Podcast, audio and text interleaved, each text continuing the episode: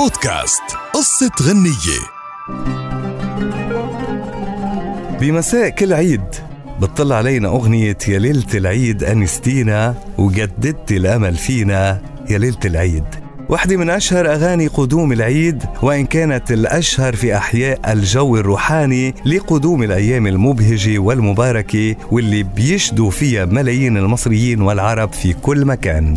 كان الحظ حليف سعيد لكوكب الشرق أم كلثوم. لتسمع بداية كلمات الأغنية الشهيرة من بائع متجول في الشارع وتقرر إنه تحولها إلى أغنية ما زالت عايشة من أكثر من 80 سنة وتضل متربعة على عرش أغاني الاحتفال بقدوم العيد. بدأت قصة هالأغنية يا ليلة العيد أنستينا وقت اللي كانت أم كلثوم ذاهبة إلى مبنى الإذاعة القديم بشارع الشريفين بمنطقة وسط البلد وسمعت بائع متجول يغني على بضاعته قائلا يا ليلة العيد أنستينا لتقرر أنه تحول هالجملة إلى أغنية.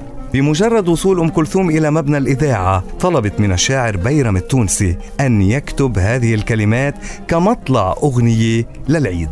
وبالفعل شرع بيرم التونسي بكتابة الأغنية ولكنه ما أكملها بسبب مرضه. فطلبت كوكب الشرق من أحمد رامي أنه يكمل الأغنية اللي بدأها بيرم التونسي. وبالفعل أكمل أحمد رامي الأغنية وقام زكريا أحمد بتلحينها. وغنتها أم كلثوم على الهواء مباشرة مساء ليلة عيد الأضحى المبارك عام 1937 عقب صدور الأغنية بعامين تم إعادة التلحين على يد الموسيقار رياض السنباطي يوم وقفة عيد الفطر المبارك عام 1939 لتكون بصورتها النهائية اللي عرفها المستمع لغاية اليوم. وما انتهت قصة هالأغنية عند هالحد فكانت الحفلة الأشهر اللي غنت فيها أم كلثوم هذه الأغنية بحضور الملك فاروق بالنادي الأهلي. وأضافت إلى كوكب الشرق مقطع خاص بالملك ما جعله ينعم عليها بمنحها لقب صاحبة العصمة.